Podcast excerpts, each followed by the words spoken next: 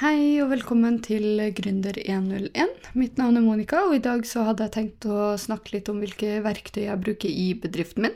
Eh, De varierer jo ekstremt mye. Siden jeg har en digital bedrift, så er det jo de fleste verktøyene digitale også. Men jeg har tenkt å gå litt eh, gjennom eh, det jeg bruker, da. Så først og fremst så bruker jeg jo Fiken som regnskapsprogram. Veldig fornøyd med Fiken til å registrere regninger og sende ut faktura. Kan sende ut tilbud på faktura også, det har ikke jeg brukt så særlig masse, men eh, det kan man gjøre. Og så er de superbra med regnskapsmoduler og de kravene som stilles til deg når, du, når det gjelder skatteetaten og myndighetene og alt det der. Tillegg så syns jeg de er gull på å minne meg på eh, de ulike fristene som trengs i forhold til arbeidsgiveravgift og MVA, ja, altså moms osv. Så, videre. så mm, fiken er helt gull. Når det gjelder bank, så har jeg brukt Danske Bank som bank for enkeltmannsforetaket mitt, men siden jeg gikk over til et AS, så har jeg starta med Folio. Og Folio syns jeg også er supergenial. De er jo integrert med, med fiken, men det kan man jo gjøre med de andre bankene man har også, så det er ikke nødvendigvis bare derfor. Eh, Men jeg syns de er veldig fine og enkle å ha med å gjøre i forhold til appen, hvor de sier ifra når du har mottatt en faktura eller et kjøp har blitt gjennomført på kortet, og så kan man ta bilde rett og slett i appen for å registrere dokumentasjonen, som er super, superfin. I tillegg så kan man sette inn penger på kortet, og de har en sånn gøy løsning hvor du ikke setter over 1000 kroner, men du bestemmer rett og slett hvor mye penger du skal ha på kortet. Eh, Så hvis du har 3500 på kortet, men du vil ha 5000, så slipper du å tenke ok, da må jeg overføre 1500. Da kan du bare si ok, jeg vil ha 5000 på kortet, og så regner den ut differansen for seg sjøl. Så den syns jeg var veldig gøy.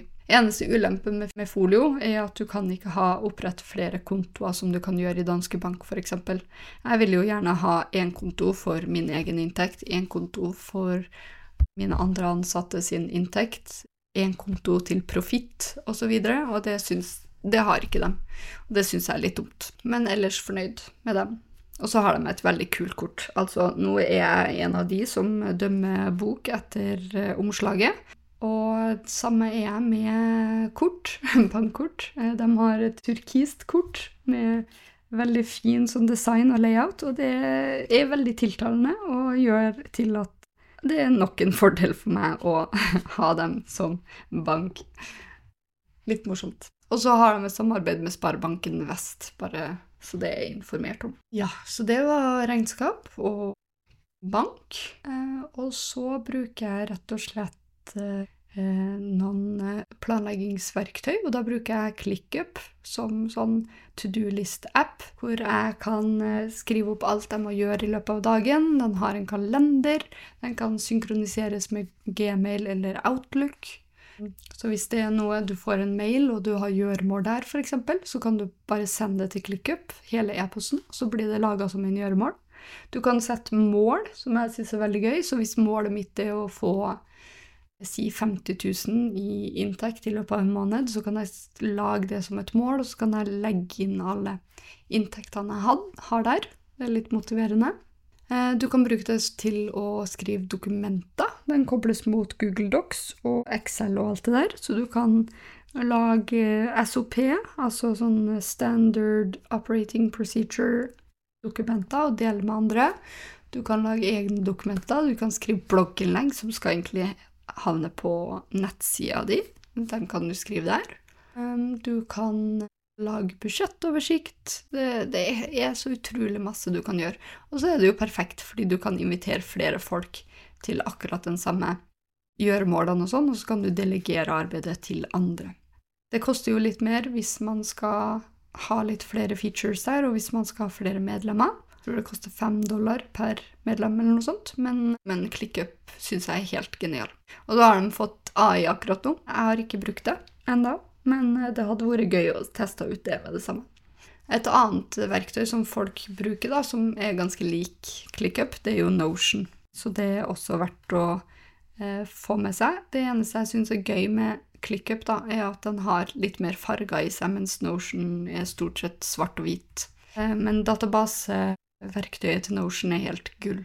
Eh, hvis det er noen som vil teste ut det og lagre opplysninger prøve å hente ut de opplysningene, så er Notion helt gull. For eksempel hvis du har en bedrift som, med mange ansatte, og så dere, har dere Eh, spesialkompetanse på enkelte deler, men det er i varierte, ja, altså i varierte feil, felt. Og du får et oppdrag, f.eks., og så lurer du på ok, hvem er det som har spesialkompetansen på det. Så kan du søke etter den spesialkompetansen, og så dukker opp alle de ansatte som har den spesialkompetansen opp. Så den er genial. Eller hvis du vil lagre telefonnummer eller kontonummer til alle ansatte, kanskje litt sensitiv informasjon, men hvis man vil finne ut av det ganske fort, så kan man lagre alt i Notion, og så kan man søke etter personen, og så får man opp den informasjonen. Så der er Notion helt gull. Jeg eh, har ennå ikke funnet ut hvordan det gjøres i ClickUp.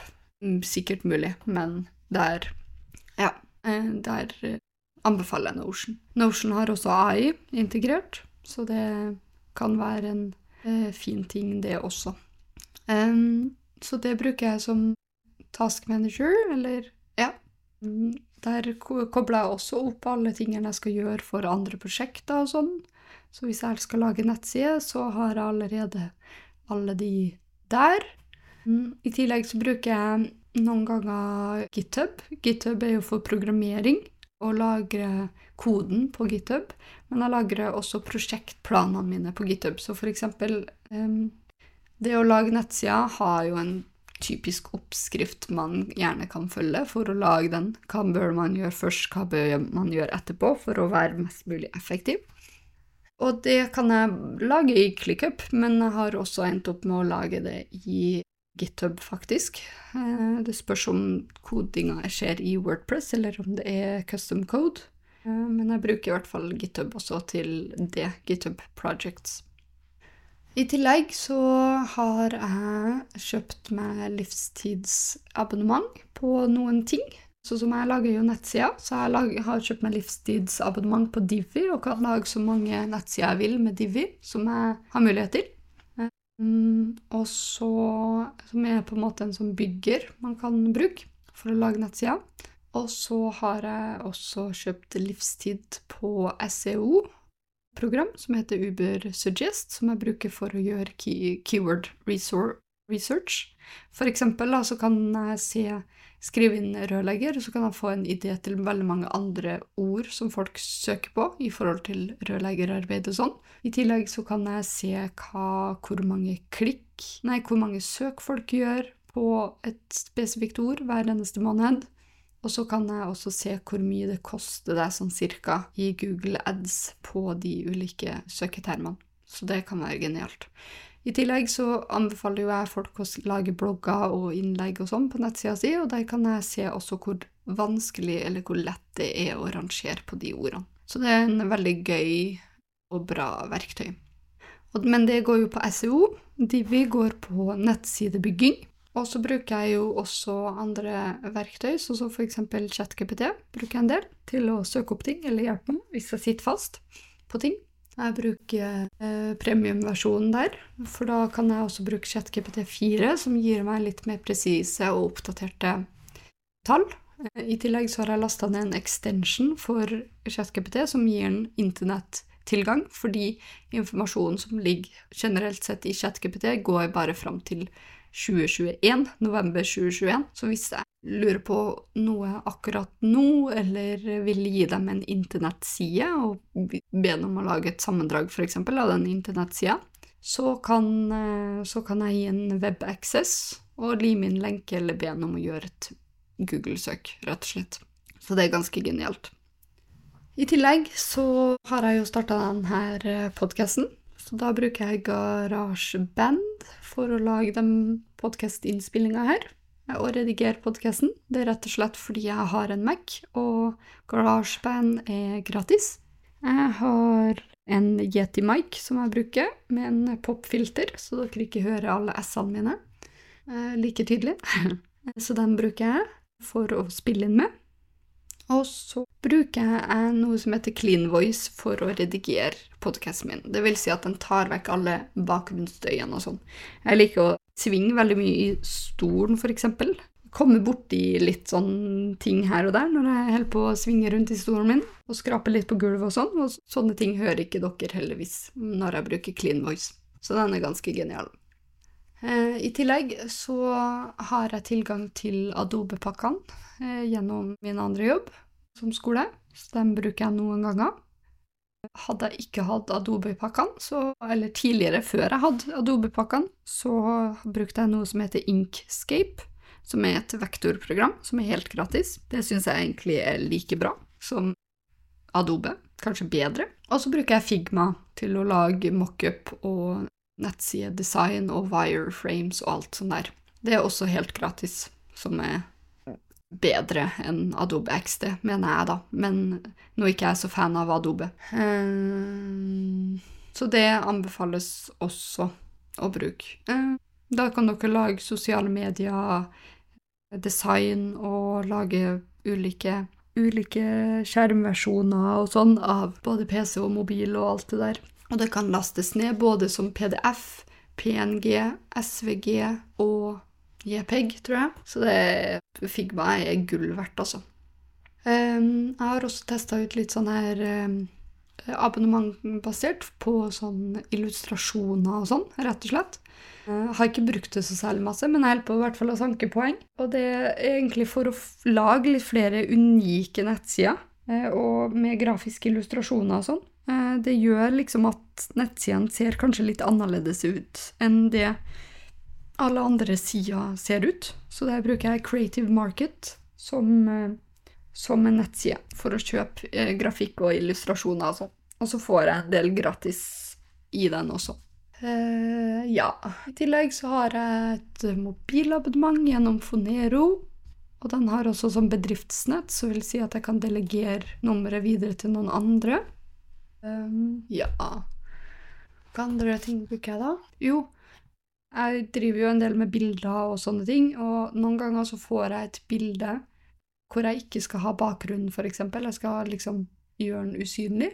Og da er background remover ganske genial. Det er også et sånn gratis verktøy som finnes på nettet. Ellers så tror jeg ikke det er så mye mer å bruke. Uh, jo, det glemte jeg å si. Uh, jeg bruker jo ClickUp en del til å lage to do-list-app og sånn. Men så er det jo sånn at jeg har jo en del klienter jeg jobber for, eh, og fakturerer dem noen ganger timesbasis. Eh, så da bruker jeg noe som heter Toggle for å tracke tida jeg bruker på ulike klienter. Så da er det en extension som jeg bruker på Google Chrome, er også gratis. I hvert fall gratisversjonen. Men da tar jeg også trykker på play, rett og slett, når jeg starter på en klient, og så trykker jeg på stopp, og så kan jeg komme inn med beskrivelse og sånne ting. Så kan jeg hver måned generere en rapport om hvor mye tid jeg har jobba, som jeg kan legge til fakturaen når jeg fakturerer ut de ulike klientene. For kontrakt og sånn, så skriver jeg stort sett kontraktene i Word. Eh, lagrer dem som PDF, og så laster jeg dem opp i noe som heter PandaDoc, som også jeg bruker som gratisversjon. Og da får jeg en digital signatur på de eh, kontraktene som jeg har. Da har jeg dem eh, i Pandadoc, eller så kan jeg laste dem ned som en PDF. Så det geniale med det er at jeg kan også ha en sånn signeringsorden, så jeg kan liksom kreve at de signerer før jeg signerer, f.eks. Ja, det var vel det. Bruker jo sosiale medier også. Har ikke hatt så mye tid til det akkurat nå, men jeg har jo en Facebook-konto, en Instagram-konto, en LinkedIn-konto. LinkedIn og jeg hadde vel en Twitter-konto på et tidspunkt, bruker den ikke så særlig masse akkurat nå. Men eh, når det gjelder det, så eh, bruker jeg jo eh, noen ganger en app som heter Buffer, for å laste opp innlegg til alle sosiale medier på én gang. Det hjelper, for da liksom reduserer jeg den tida jeg bruker på faktisk det.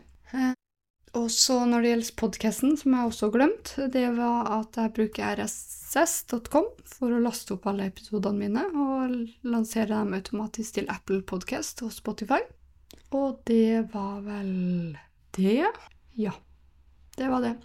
Burde jo egentlig ha delt denne episoden opp i det jeg gjør i bedriften, det jeg gjør i podkasten, og det jeg gjør når det gjelder koding.